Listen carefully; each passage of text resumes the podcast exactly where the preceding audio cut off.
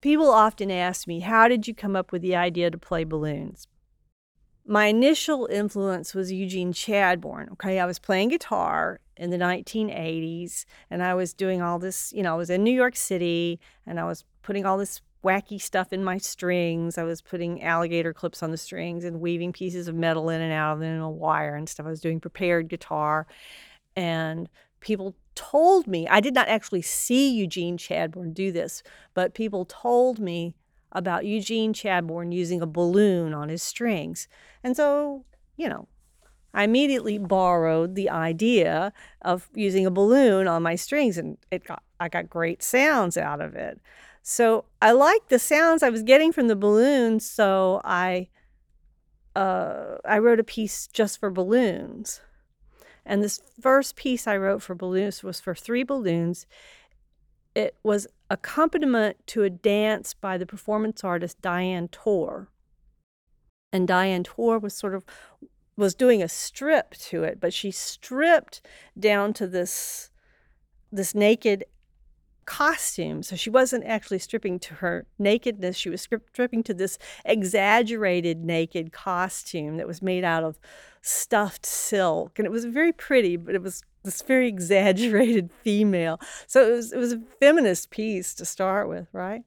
So there were three balloons playing. And um, the idea itself is rooted obviously in the improv scene in you know the ideas of John Cage that all sound is music, the Fluxus movement, which was sort of the end of high art. You know, uh, using a balloon is is okay now because we no longer have to worry about high art and um, you know other avant-garde movements but what made the balloon more than just a sound maker in my arsenal of effects i used on my guitar and what drove me to make them a singular focus was more personal.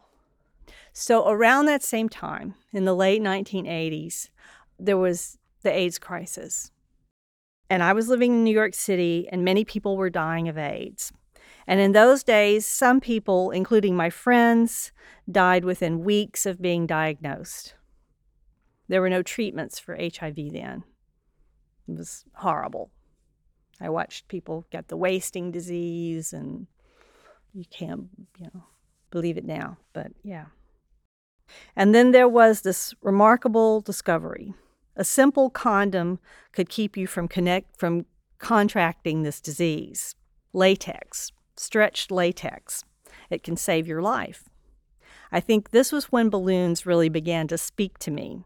I'd been using them among my arsenal of toys that I used for extended sounds on my guitar, but it was AIDS that really brought this focus and this obsession to the fore.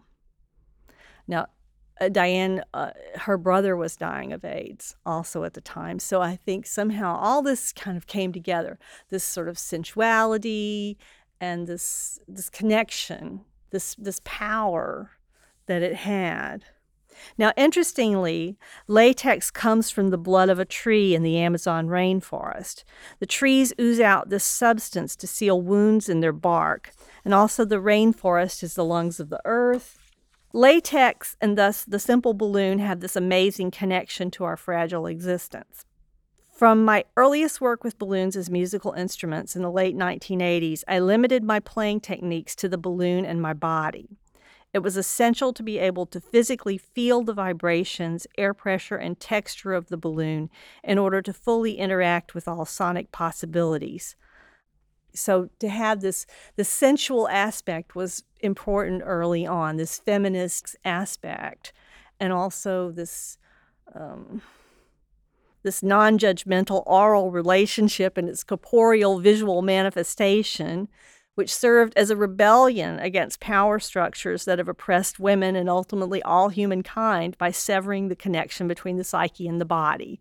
It just sums it all up right there because I'm dealing with, you know, feminism, I'm dealing with sexual repression, killing people in mass all around me, you know, um, and suddenly there's this the substance that's that's so powerful. So it's not just something I'm making sounds with, but it's almost like this substance is speaking, you know. So and I still feel that way. I still feel when I sit down to play my balloons that that like they have their own voice and I'm just this conduit, you know, which is kind of creepy but amazing, you know. And it's sad because with a little balloon the life is short you know, it only speaks for a short time and then it's gone, like all of us.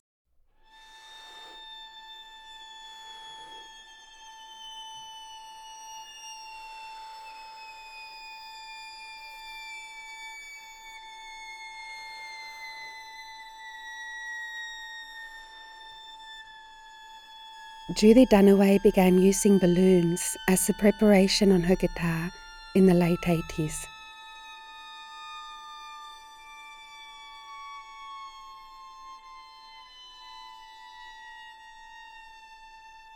The philosophies of John Cage, Fluxus, and other avant garde movements inspired her to produce conceptual sound art and sonic performances using her own body and balloons to make sounds.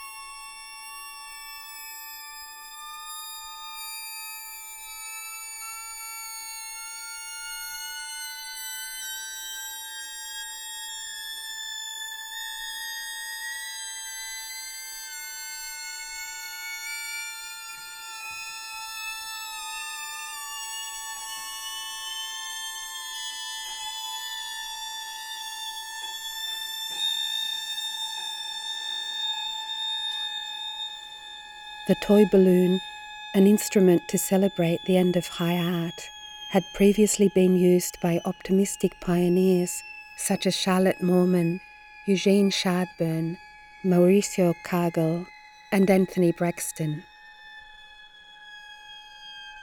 But as Judy Dunaway explains, the AIDS crisis affecting New York in the late 80s and early 90s gave new significance to the use of latex.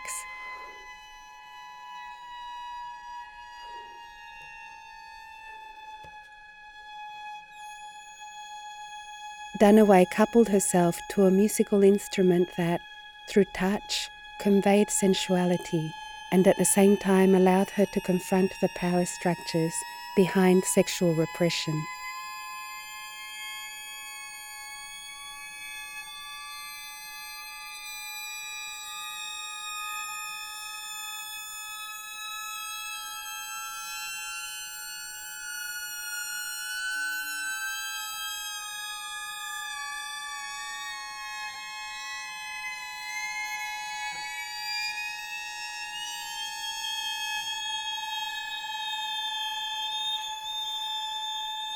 As well as performing as a balloon player in compositions by John Zorn and Roscoe Mitchell, and collaborating with Annie Sprinkle, Diane Torr, Yasunao Tone, and numerous others. Dunaway has also created her own works, often to do with social activism or cultural critique, in the fields of telematics and transmission art, sound installation, and interactive technology.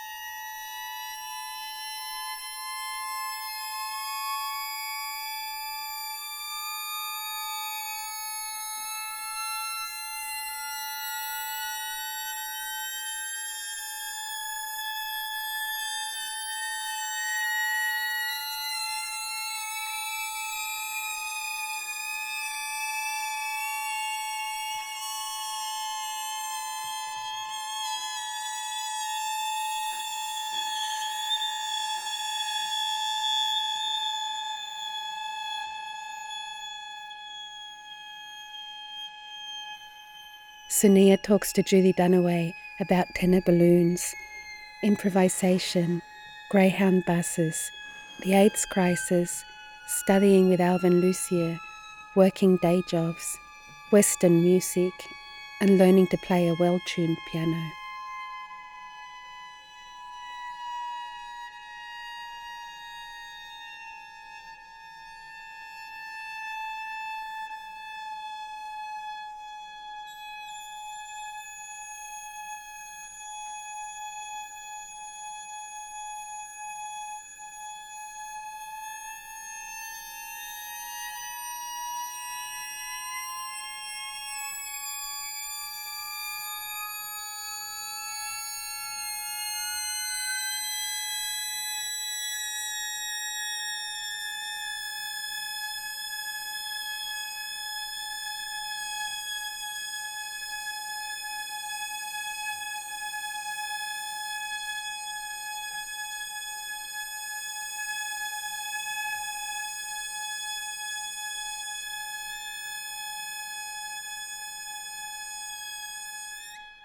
My father was an auto mechanic.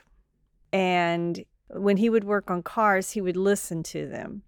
And even when I was, before I could drive, daddy would say, Go sit in the car, you know, in his shop and press the accelerator so I can hear what the car sounds like. And he would, you know, he would have the hood up and he would be listening. So I think that was uh, an early uh, influence of listening to unconventional sound. And I often listen to my balloons and I think, oh, that sounds a bit like a car. also, we had a piano in our house. It was a, or it is, it still exists. It's a Meister piano, which was a mass produced piano from around the, the turn of the 20th century, from around 1900 very heavy upright piano. I think it's made of some kind of oak or something. And uh, my parents had bought it from someone, I guess, in the 1940s uh, from a neighbor. And uh, it sat in our living room, and all the children in the house learned took piano lessons from a lady named Miss Tony. So I grew up playing the piano, but I didn't do well taking piano lessons. I would become sort of rebellious. I didn't want to practice the exercises, they were boring. And so I would improvise.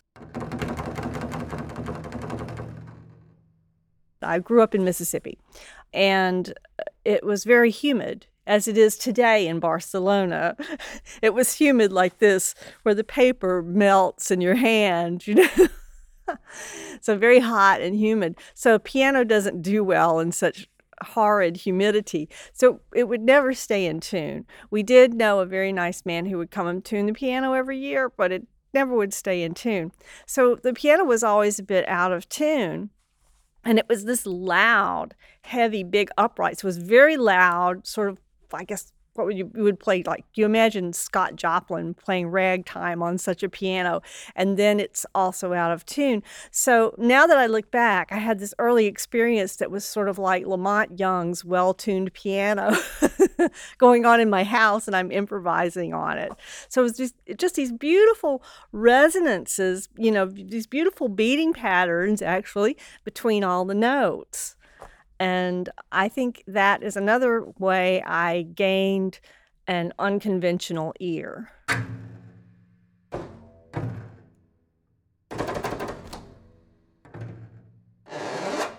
I'm the youngest by years. My oldest brother was uh, 22 years older than me. So it's quite spread out between five children. And uh, my youngest brother is nine years older than me. So he was already playing rock and roll. He was in rock and roll bands when I was eight or nine years old. And that was also very much an influence. He, he was pretty much, he was into blues pretty early too, when it was not so trendy.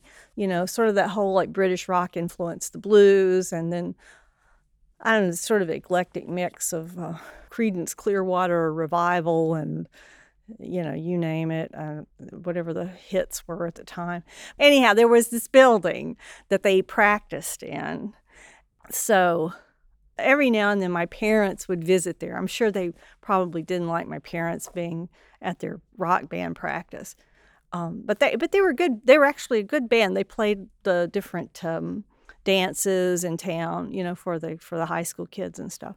And one of the the their lead singer went on to become a mild, a somewhat famous uh, Austin musician. His name is his he goes by the name of Omar, of Omar and the Howlers. And so anyway, they would they were always playing and jamming and well, mostly you know playing cover tunes. And um, one day I was in there with my parents, and they uh, were listening to a record. They were listening to a Beatles record, and it must have been I, I don't know what record it was, but they had like some kind of John and Yoko stuff. And I heard Yoko Ono, and I must have been, you know, like eight or nine years old, maybe 10, I don't know, but I was very young. And I remember them playing Yoko Ono and laughing about it. You know, they thought it was really funny because she, you know, screamed and everything, you know. I, I always think that's fascinating that media was so open at that time. And here I am, like this child in Mississippi in this remote location, living in the country, and Yoko Ono, like, you know, is suddenly available to me. I, that was very unusual at, at that time. You know, it was like kind of the first mass media, you know, getting to the people and outside, and, and particularly that there's this downtown art scene, um, this Fluxus movement, and it reaches me at eight years old, you know, in the countryside in Mississippi you know and uh, so I, you know there's just all these little things i look back to and say you know maybe that was an influence maybe this but i was playing guitar.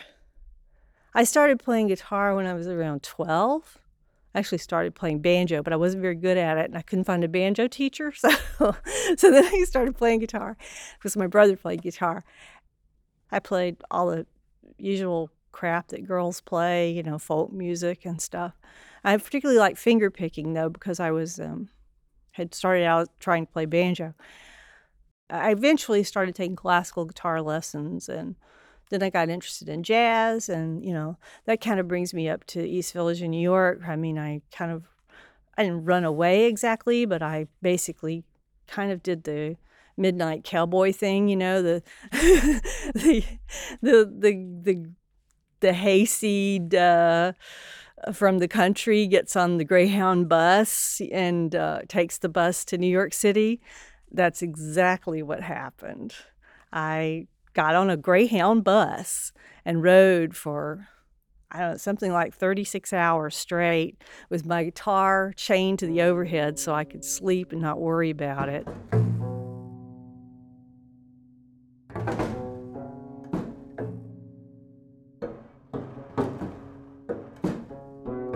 I remember seeing Manhattan off in the distance.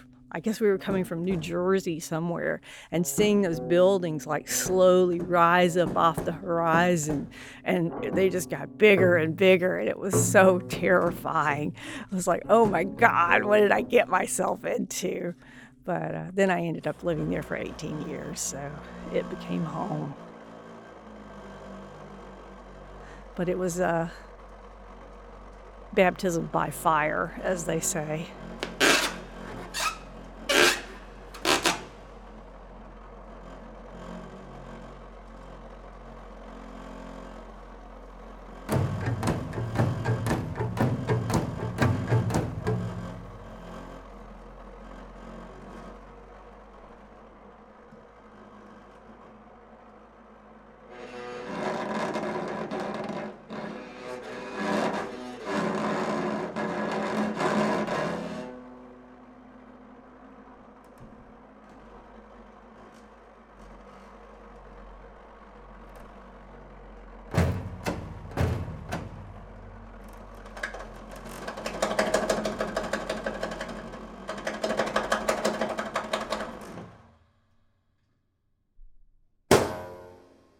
Well, I was living with my boyfriend at the time. So my boyfriend was one of the was the main inspiration of coming to New York, and he was a musician, a very good musician. And uh, I guess I thought I would be a musician too, since I was already a musician. uh, but I just really didn't have a specific agenda. Uh, so it's kind of you know young, impetuous. You know, I was very young anyway, he was very interested in the downtown scene before he came up. So, like with him, I just got pulled immediately into the whole scene that was going on. And, you know, I remember very early after arriving in New York going to see uh, an Elliott Sharp concert. Uh, I remember, you know, going down to John Zorn's uh, The Saint uh, in the East Village. We lived in the East Village, Okay. So I was exposed to all that and I I had already started getting involved in free improvisation back in Mississippi. Uh, in fact, my classical guitar teacher was friends with Davy Williams and LaDonna Smith. He was from Alabama. He had played a record for me of free improv when I was taking guitar lessons. That was actually my first exposure. And then I became friends with a guy named Evan Gallagher, who at that time was living in Jackson, Mississippi, and was sort of the man for the free improv scene in Mississippi at the time. I don't know when I played my first gig in New York, but not not long after, maybe the sec, maybe 80, 83 or something, and uh, doing free improv and sort of experimental stuff. Well, I in New York, I was just very influenced by the people around me, by the environment, and uh, you know, I was already a guitar play, player, and I was a very good guitar player. I mean, sorry, it's kind of egotistical, but I was good. And uh, I had a project with a woman named Cindy Cole. It was all women. Anyway, I was in these different free improv projects. I was particularly interested in working with other women because I, I, I guess I already, you know, was kind of sick of the whole sexist guy scene. And uh, yeah, in uh, 86, Cindy and I organized a thing called the uh, Women's Improv Festival. So we, we organized a, a women's improv festival that was really incredible because it, I guess it was all time and place, you know. I mean, we had no idea what we were doing, but it was me and Cindy and Zeena Parkins and Sue Ann Harkey and Zeena kind of bailed on the whole thing because she was already getting busy with all her stuff, you know, because she was already getting to be a big deal. And so, but I think Zeena gave us some contacts and a little cred, you know, uh, and Sue Ann did all the graphic design stuff. But, it, you know, we were all in the festival, obviously. And then we had just a real diverse mix of people like, well, Myra Melford. But the, the one that was the most influential to me from the whole festival was Charlotte Moorman. We got Charlotte Moorman to play in the festival because uh, Michael Lytle, who I a clarinetist and knew Charlotte, and he said, "Why don't you ask Charlotte Moorman to play?" And I, I well, I, I knew who she was because I'd seen. Uh, so luckily, they had shown some films with uh, Nam June Paik on PBS. So we did, and she was already sick with cancer at the time, and not so easy to deal with, but partly was due to her illness. She was very sweet, very nice. And also because I was I was the organizer. So I was like going down to her house, you know, and knocking on the door and getting stuff from Frank and you know stuff like that. So it was I had a good bit of, you know, interaction and uh just she was amazing. She was just uh, such a dynamic person and and I was very affected by the whole the performance and just being around her and then and then through the years I knew more and more and more about her but at the time I was pretty naive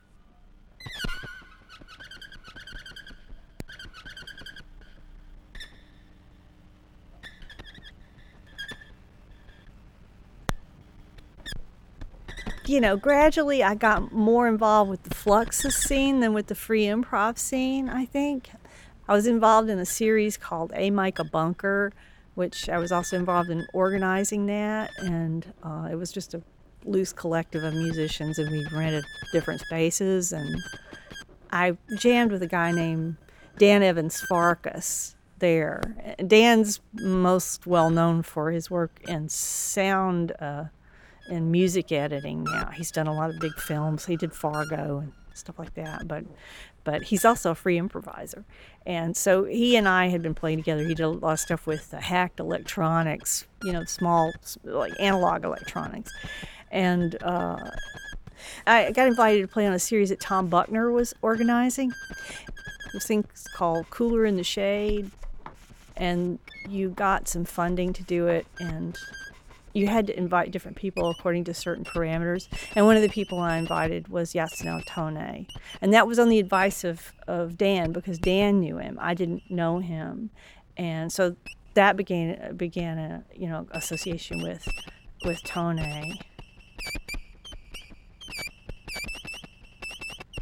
So yeah, that was a really that was a really whack gig too because it was uh me and Dan Evans Farkas and Yasunao Tone and a comedian named Louis Cherno, who you've never heard of, but who I worked with for a while. And that was my ensemble at Cooler in the Shade. Uh, but then I continued to do things with Yasunao Tone through the years. He's a wonderful artist, wonderful person. Yeah.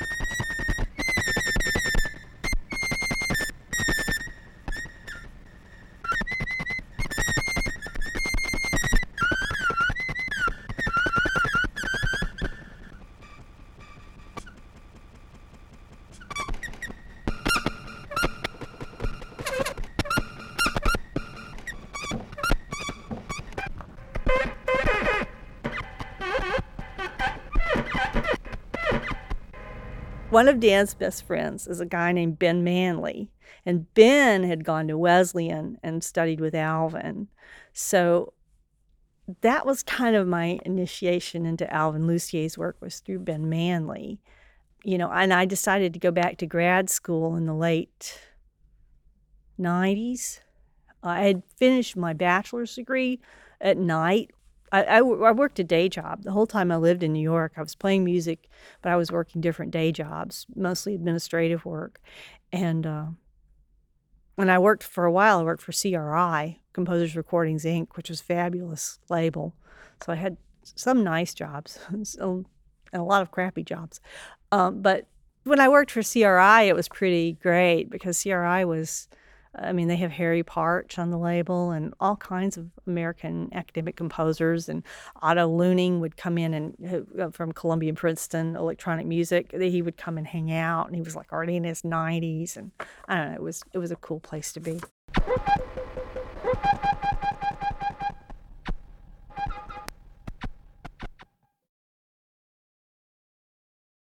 So back to the Eugene Chadbourne moment. Uh, so I was using these balloons on my guitar as effects. And then I did this piece with Diane Torr. It was a trio for balloons to accompany Diane Torr with her dance. That was around 1990. And I, I liked the sounds that I was getting with the balloon trio. That was very interesting to me. And also the audience liked it they liked this sound very much. And so I was asked to do the piece at another place, uh, at Dia Arts Foundation. And Diane wasn't available. So we just did it with the trio. And then there was a woman there who really liked it, Karen Bernard, and she invited us to perform it again in Philadelphia. So then we took the balloon trio to Philadelphia to perform the piece. The, the balloon trio being me and Blaise Siwula and Chris Kelsey. And so then around that time, Fred Lonberg-Holm was booking a series at the Alternative Museum. He had some funding from the National Endowment for the Arts, which is unheard of now. And they gave me, I don't know, something like a $1,000 to pay musicians to perform my works at the Alternative Museum so I said, Fred, would it be all right if I wrote an entire evening of works for balloons? So Fred said, sure. so I did. I wrote an entire evening of works for balloons to perform at the Alternative Museum. And then I sort of had this grant, quote unquote, to go out and buy all these different kinds of balloons and get people to play them. And so we did this whole evening of works at the Alternative Museum. But then after that, I had no more money to pay musicians to play balloons or anything like that. So one of the people that was performing in that group, his name is Andrea Nascemben, and he's now a lighting designer in Italy, Vicenza to be exact. And he said to me, Why don't you just play them solo? and that was the ticket. And I started playing them as a solo improviser. And also around that time, I was having trouble with my left shoulder. I have an injury in my left shoulder. So it was very painful to play the guitar. I guess it was started around 1989. I continued to play the guitar until the mid 90s, but but it just got more and more painful. So suddenly there was this instrument that was more comfortable to play as well.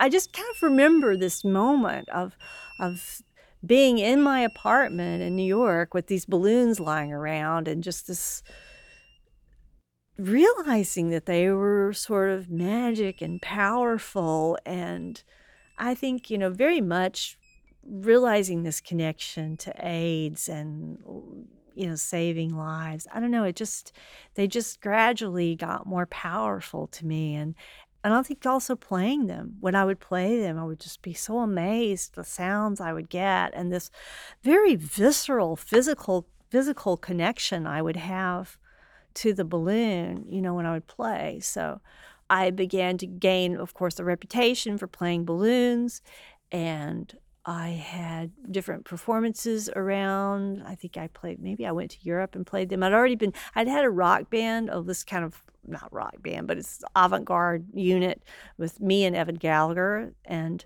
so I was already doing like feminist stuff with that. And I was using balloons as sort of a prop and a sound effect in that too, um, simultaneously with all this other stuff. But I just decided, you know, I'm not going to play guitar anymore. I'm not going to sing anymore. And I'm just going to play balloons partly because of the problems with my shoulder, and also because people just liked it better. there are a lot of guitar players, there aren't many balloon players, so it's getting more work, right?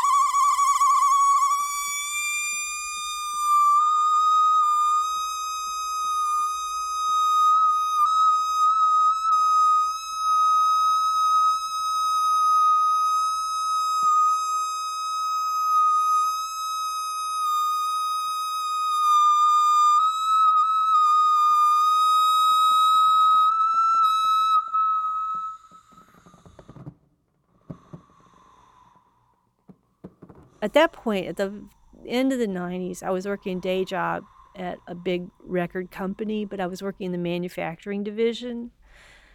And so I sort of had this secret life away from them because they wanted me to be completely dedicated, completely dedicated to this horrible conglomerate. And I could care less. Never mind, they were nasty to the environment that they were overproducing CDs and cassettes at the time and just throwing them into landfills when they didn't sell was I was mortified. You know, I was trying to keep secret from them that, you know, I was in the Village Voice that week or whatever, you know. So uh, I talked to my friend Dan, Dan Evans Farkas and I said, I don't know what to do. And he said, Why don't you go back to grad school? And I said, Okay, let me think yeah, so I just applied to a whole bunch of grad schools that had interesting programs like Cal Arts and stuff. And I applied to Wesleyan, and that was one of them. I knew Alvin Lucier's work through Ben, ben Manley, as I mentioned before. I mean, I didn't know that I was going to get the opportunity to study with Alvin. And actually, the first time I applied to Wesleyan, I was turned down. And I didn't go to grad school that year. I worked another year. But then the next year, I said, damn, I'm really going to get into grad school this year. So I worked, I really doubled down. I applied to more grad schools and I applied to Wesleyan again. And I got better letters. By that point, um, I can't remember if I'd actually performed with Roscoe Mitchell yet, but Roscoe Mitchell was aware of my work. And Roscoe wrote a letter for me, which was very helpful. And when I got there, I became Alvin's assistant and I worked with Alvin for two years solid. Alvin and I just, you know, that's how it is. You just hit it off with certain people, and and so I worked pretty intensely with Alvin for two years and learned a lot about his work. And I bear the scars. I bear the scars of Al- working with Alvin. I, I, will never be the same for working with Alvin for two years. I because because he just he's such a minimalist you know and so it's hard to do anything in your work when you've been working with such a austere minimalist for two years and I, I jokingly say bear the scars because it was wonderful. I, I, had a wonderful time studying with Alvin. I was very happy. But also when I got done with that, I, I kind of was felt hindered by that level of you know, do you really need that in your work? Do you really need that in your work? You know, take this out of the piece, take that out of the piece. So I later worked on a PhD, and when I was doing that, I studied um, Nam Paik. I wrote, uh, did a PhD colloquium about Nam Paik, and Paik said, "Less is less." so I I love that just like cramp everything you possibly can put in the piece, sort of antidote to minimalism. So I'm somewhere out there in between now. I just do what I want, you know, which is kind of a lame political statement, but but it's at least it, it it's frees you up, you know, to kind of get back to just being creative and and finding what what your id wants to happen and then figuring it out later.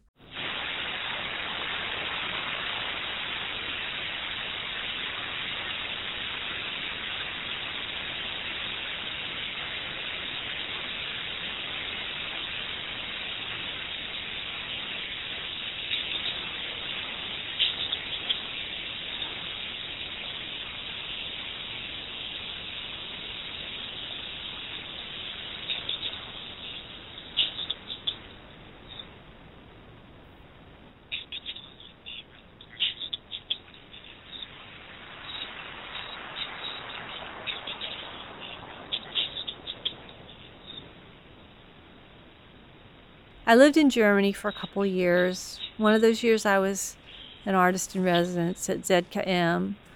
This was postgraduate school after I finished my master's degree at Wesleyan. And then I wanted to get a PhD because I thought I would like to teach. And so I applied to, I was kind of messy. I didn't do a very good job applying for grad schools. But anyway, I got into State University of New York, Stony Brook University. And so I decided to go there against my better judgment. Sorry, guys. They were very interested in old music still in 2002. It was ridiculous. But the good thing was that the art department was in the same building as the music department. And Christa Erickson was one of the art professors. And she was very interested in multimedia work, which included sound.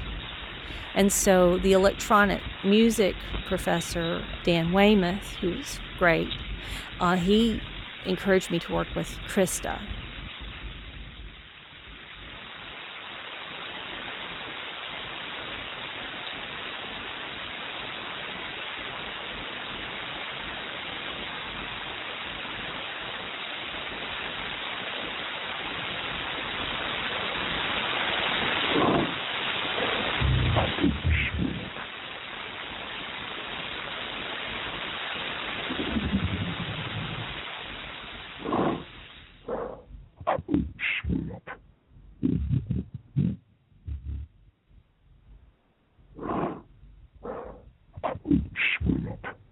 Christa was very interested in interactivity. She was interested in covert type work, work with technology. I think she was somehow involved in this Barbie project where they they went into to stores and took out the, the, the they had these speaking Barbies and they went into the stores and took out what the Barbies said and then then they put them back in the store with Barbie saying something else. But Christa was like that. You wouldn't know what work she did because she was she did a lot of covert work, but also you know she did interactive work. So I was influenced by my work with Christa. I mean that's where I learned very uh, a lot of hands-on skills with new media, um, and got more involved with video, uh, video editing, things like like that.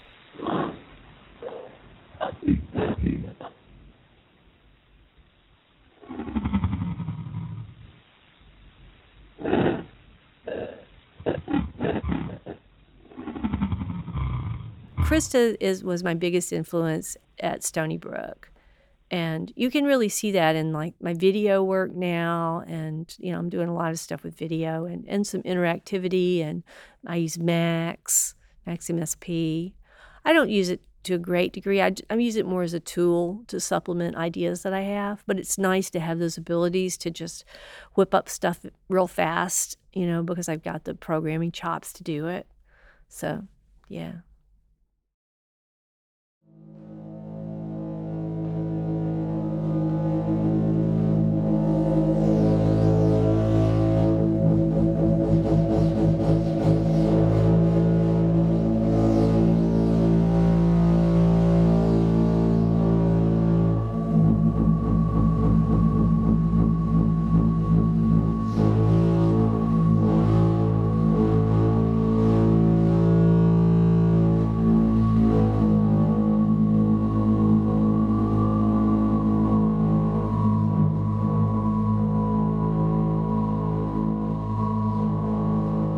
Just can't do the same thing all the time. I want to develop things and add things according to my interest.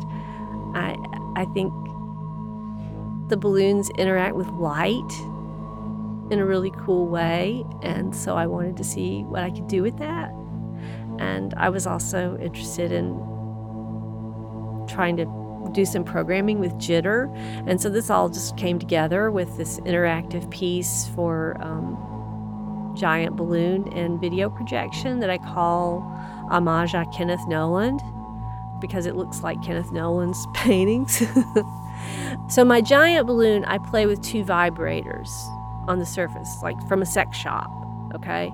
And so you put them on the surface of this giant balloon and it it vibrates the surface like a big giant super low bass string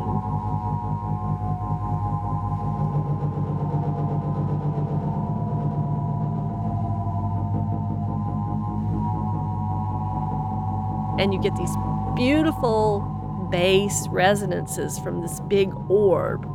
But the sound is very soft, so you have to amplify it. So I put a couple of pickups on the on the surface, and they're these very special pickups.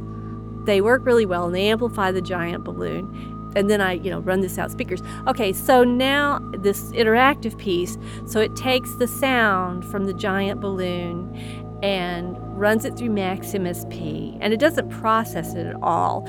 It just extracts data and then it uses that to play a bunch of synth tones that kind of mutate over time, uh, some of it based on the data that it receives, and some of it based on chance.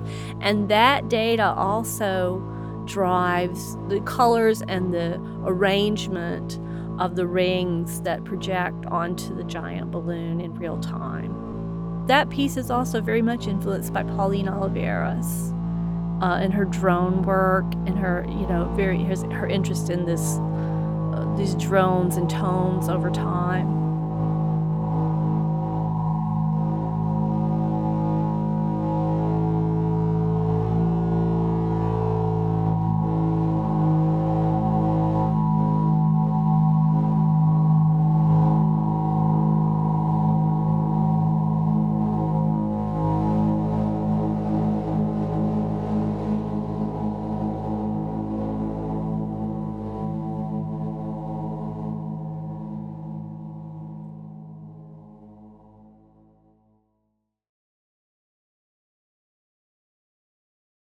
Yeah, there's a tension between not wanting to be part of the the trajectory of Western music and you know dealing with elitism and stuff like that. But is virtuosity really like accept eh, part of elitism? I don't know. I don't think so. One of my earliest influences, of course, banjo playing. Yes. Lester Flatt and Earl Scruggs. Yes. Don't you hear that when I play balloons? I do. well, I, I sort of mentioned this before in that in that the physical connection to the balloon is essential. More so than you would with most instruments, there's not a fixed idea of what you're supposed to do with it. So, certainly, whenever you build your own instrument you appropriate a found object like this, you bring yourself to it. You you bring your own ideas because there's no preconceived notion of what you should be playing on it. But in the case of the balloon, it's this squishy, taut thing that you're like putting your body around or that you're pre- you know you're you're gliding your hands across it's just very visceral. I'm sorry i can't think of a better word today but so if you have an inhibitions about i'm going to be embarrassed about this or this looks too this way or that way then you're not going to be a very good balloon player. You know you really need uh, that lack of inhibition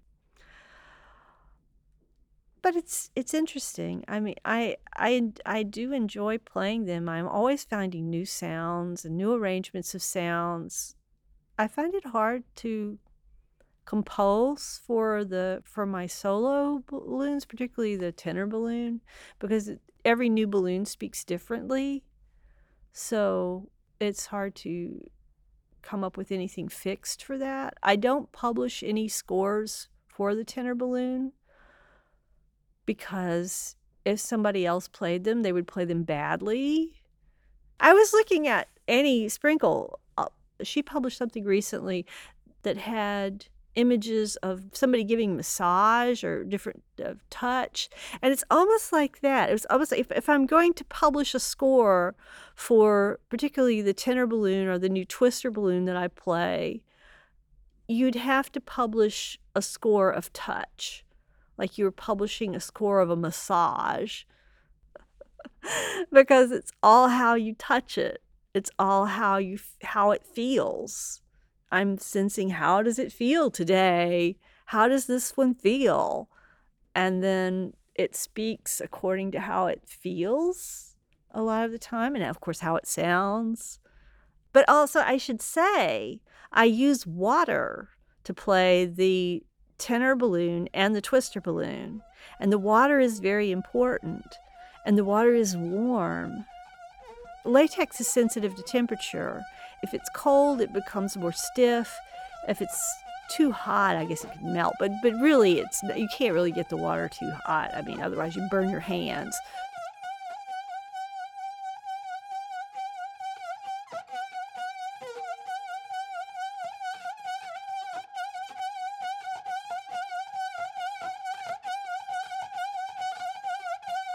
Imagine a violin string. It's held taut at the nut and the bridge, right? Otherwise, it would be too slack and you couldn't get any, you know, sound out of it. Okay, so it's held taut at, at the nut and bridge. Now, imagine this taut string and it's melted and spread out into an orb and held taut over a column of air. That is my tenor balloon. In fact, that is any of the balloons that I play. So they're like a string they're like a vibrating string that held taut over a column of air.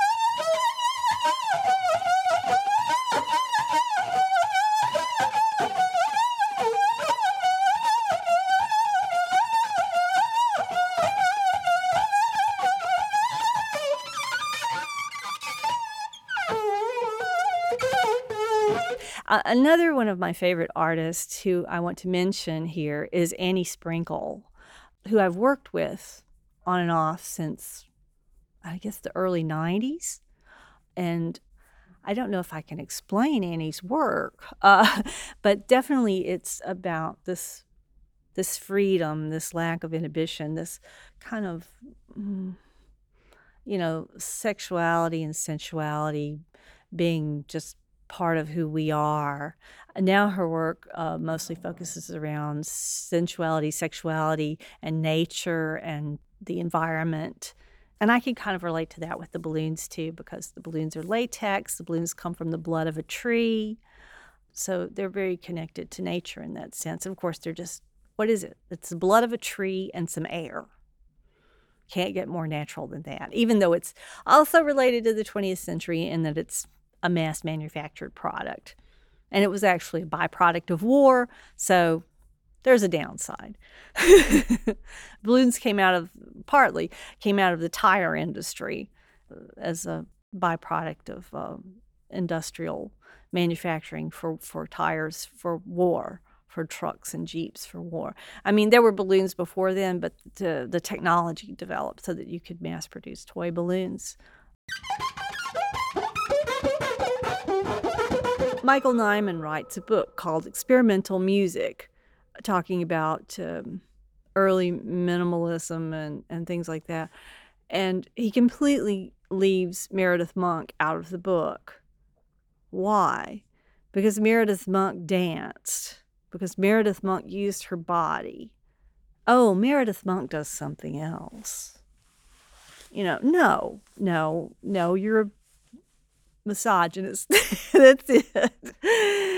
I mean, maybe he didn't mean to be a misogynist, but just ignorance, you know, is is the cause of a lot of things. Um, being un- unenlightened. Um, but yeah, Meredith Monk was uh, using her body and and music and sound and everything. She didn't. She just didn't delineate between the categories. And when people asked her about it, she said, you know, my work is about exploring those those areas between music and dance and theater.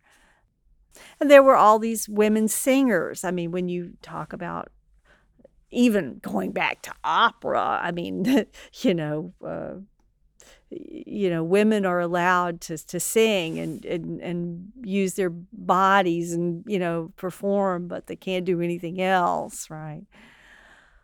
Diane Torr died like just a few weeks ago. And I remember I, I worked with Diane Torr a good bit around 1990. And I also did the music for a, a piece of hers at Franklin Furnace.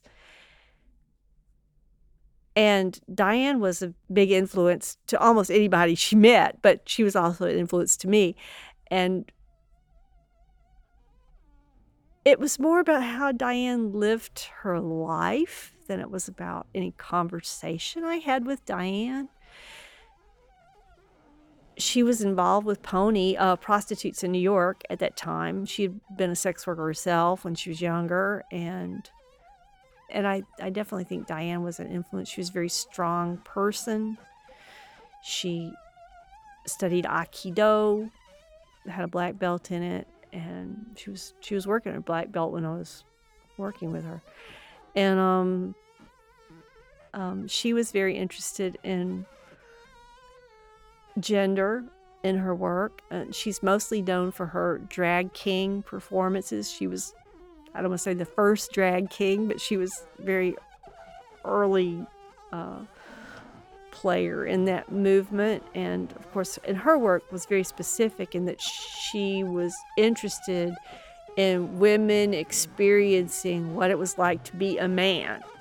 So she would have these workshops where the women would go and they would all dress up as men and then they would go out for a night on the town or whatever, you know.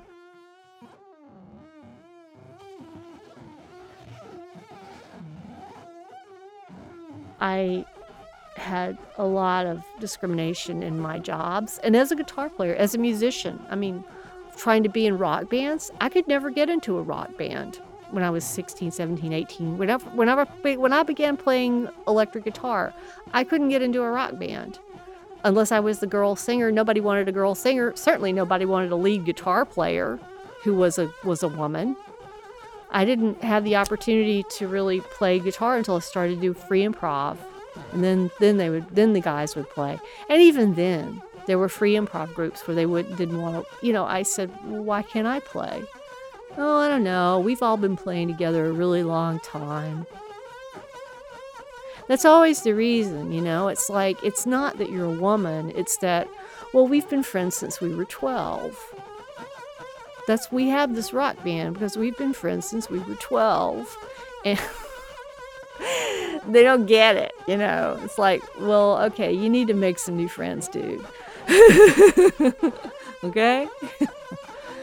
and then ja- I got interested in jazz, which also there's lots of discrimination, you know. And I don't think I really found a home until I got into free improv, and suddenly there wasn't. But then I came to New York, and you know,